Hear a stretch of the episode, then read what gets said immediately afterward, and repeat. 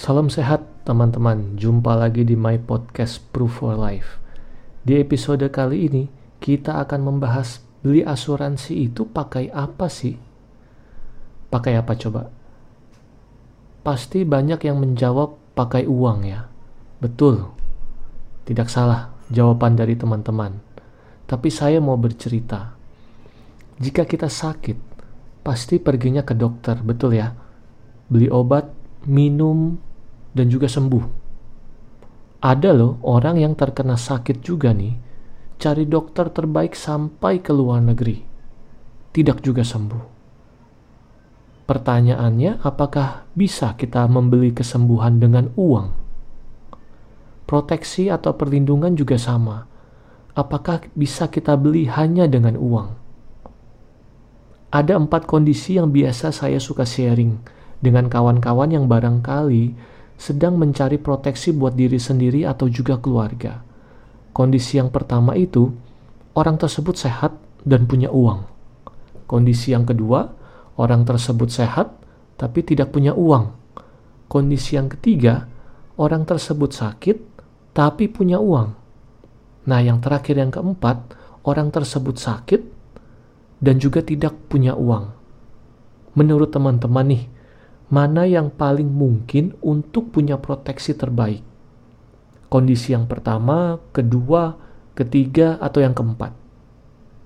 Kita lihat dulu ya. Kondisi yang kedua ini nih, contoh.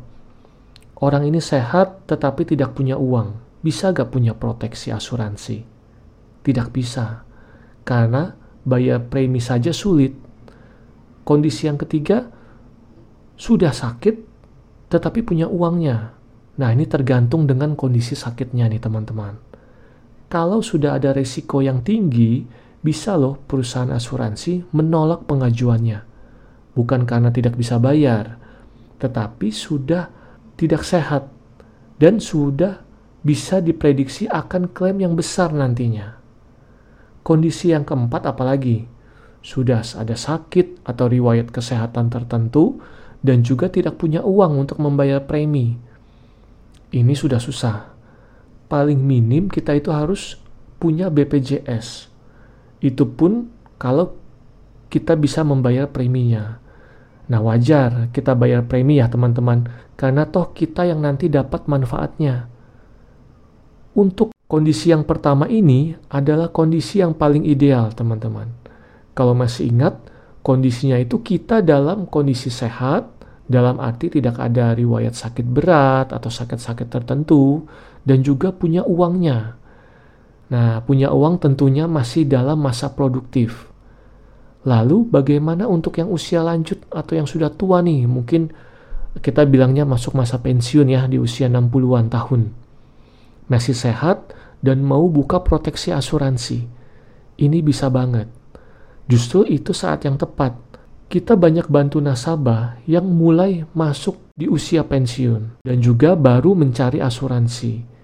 Memang ada tahap proses medical check up, rata-rata untuk uh, mengecek ya kondisinya sehat atau tidak, misalnya seperti itu. Nah, itu pun kalau memang kondisinya benar-benar fit atau sehat, itu pasti diterima secara normal. Senang banget kan kita lihat orang tua kita diproteksi dan juga aman dari resiko amit-amit butuh uang besar buat biaya berobat atau biaya rumah sakit nantinya. Kalau tidak punya proteksi bagaimana? Ya diri sendiri dan anak-anaknya lah yang menjadi asuransi atau membayar resiko-resiko yang akan terjadi.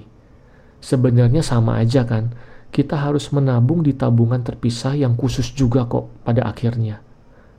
Nah dari cerita di atas, kesimpulannya beli asuransi itu nggak hanya pakai uang, tetapi pakai yang namanya kesehatan. Murah atau mahalnya kesehatan tergantung bagaimana kita menjaganya.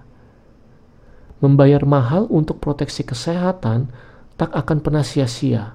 Justru kamu sedang mempersiapkan masa depan yang cerah. Sekian untuk episode My Podcast Proof for Life bersama saya Koben di sini. Jika ada pertanyaan, saran, dan juga kritik bisa langsung chat dan komen pada link yang ada di bio. Yang mau diskusi silahkan hubungi kami. Terima kasih dan sampai jumpa.